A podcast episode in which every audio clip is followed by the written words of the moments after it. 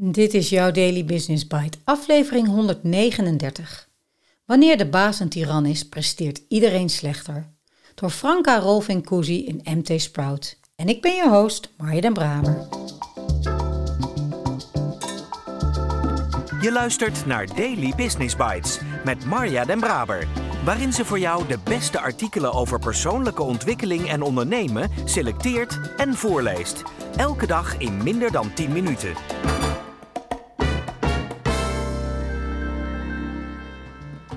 Dit is de podcast waarin ik jouw oren streel met de zachte klanken van de beste artikelen over ondernemen en persoonlijke ontwikkeling die ik maar kan vinden. Met toestemming van de auteur uiteraard. Laten we starten met het optimaliseren van jouw business. Het grensoverschrijdende gedrag bij DWDD werd vergoeilijkt omdat het hoort bij de strijd om de eerste plek. We spelen Champions League, was het verweer. Het is niet alleen onaanvaardbaar, maar ook een drogreden, schrijft leiderschapsexpert Franka Rolving-Kuzi. Waar mensen zich onveilig voelen, presteren ze slechter en kunnen ongelukken gebeuren. Het is een van de meest verdrietige voorbeelden van een angstcultuur die tot fatale ongelukken heeft geleid.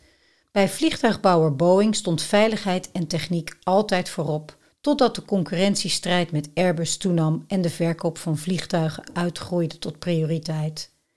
Die aanpak leidde tot een recordverkoop van het type 737 MAX, maar zette druk op de mensen in de fabriek. Klachten daarover werden weggewimpeld. Er was immers succes. Na een tijdje uiten de medewerkers hun zorgen over de 737 MAX niet meer. Ze maakten alleen grappen dat ze er zelf nooit in wilden vliegen. Twee vliegtuigen stortten neer 346 mensen verongelukten. Waar druk wordt ervaren, wordt de sfeer grimmiger. Zo werkt dat. Leiders trekken de controle naar zich toe en staan niet meer open voor een ander geluid. Wereldwijd ervaart 1 op de 4 werknemers hoe het is om in een giftige omgeving te werken, blijkt uit onderzoek van het McKinsey Health Institute. Dit is het moment waarop mensen hun zorgen niet meer durven te uiten, fouten niet meer bespreken en de baas alleen vertellen wat hij wil horen. Voor de leider lijkt dit een fijne situatie, die wordt namelijk niet meer tegengesproken, maar de gevolgen zijn groot en pijnlijk, zoals bij Boeing. Beter is het dan ook een open cultuur te creëren waarin fouten worden besproken en daarvan wordt geleerd. Amy Edmondson, de Harvard-expert op het gebied van psychologische veiligheid, deed onderzoek naar goed presterende teams en kwam tot de conclusie dat de teams die de meeste fouten melden ook het beste presteerden. Minder goed presterende teams maakten waarschijnlijk net zoveel fouten, maar hielden die voor zichzelf uit angst voor een reprimande. Het gevolg was dat het eerste team van zijn fouten leerde en het tweede dezelfde fouten opnieuw maakte.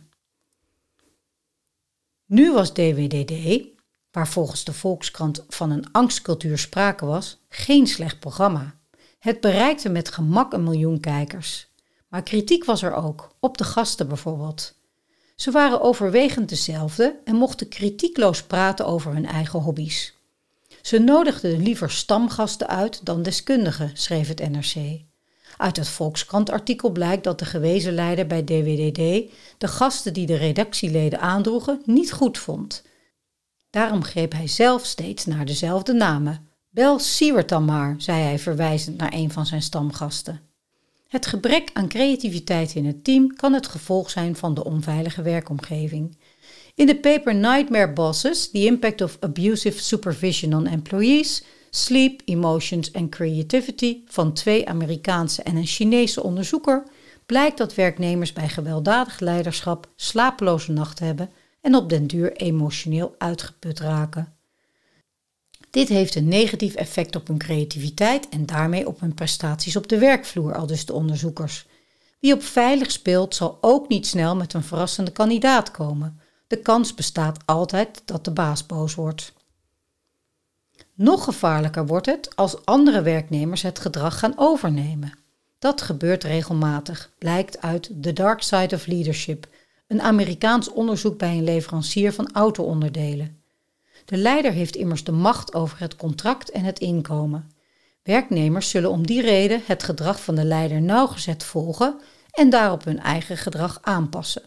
Laat de leider positief gedrag zien, dan nemen ze dat over. Is het gedrag van de baas negatief, dan wordt ook dat gekopieerd. Alles om maar niet af te wijken van de toonzetter. Waar het op neerkomt is dat leiders niet in hun eentje in staat zijn een onveilige situatie te creëren.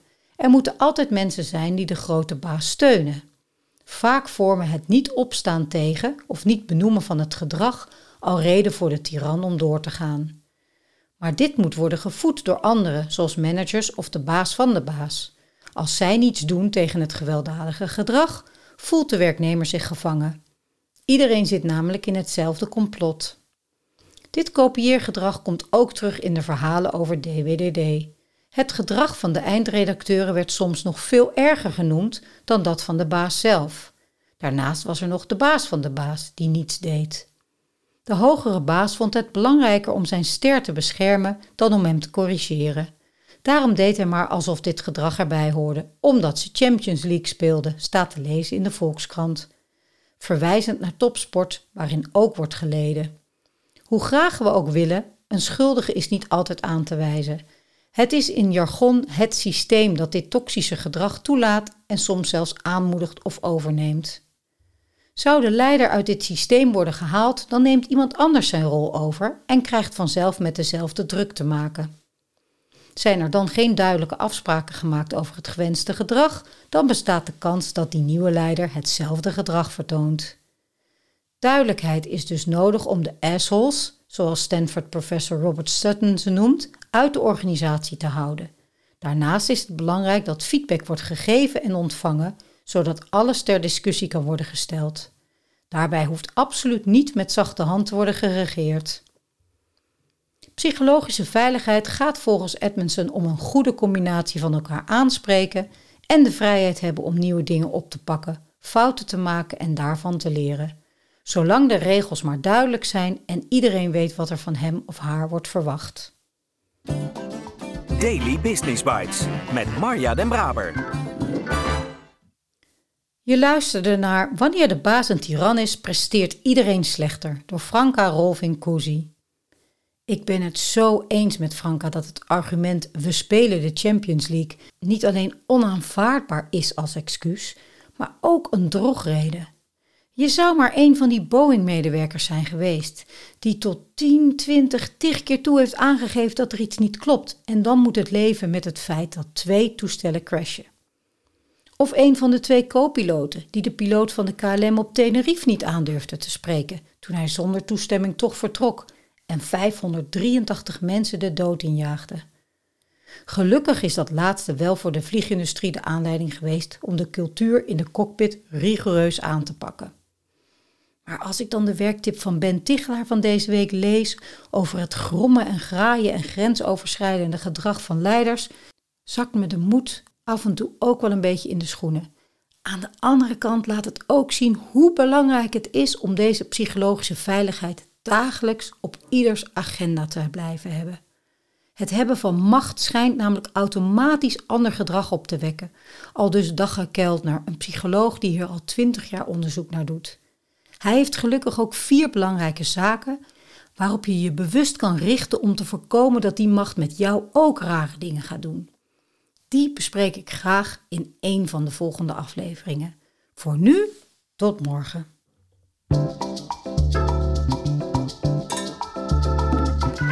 Dit was Daily Business Bites. Wil je vaker voorgelezen worden? Abonneer je dan op de podcast in je favoriete podcast-app. Meer weten? Klik op de links in de show notes.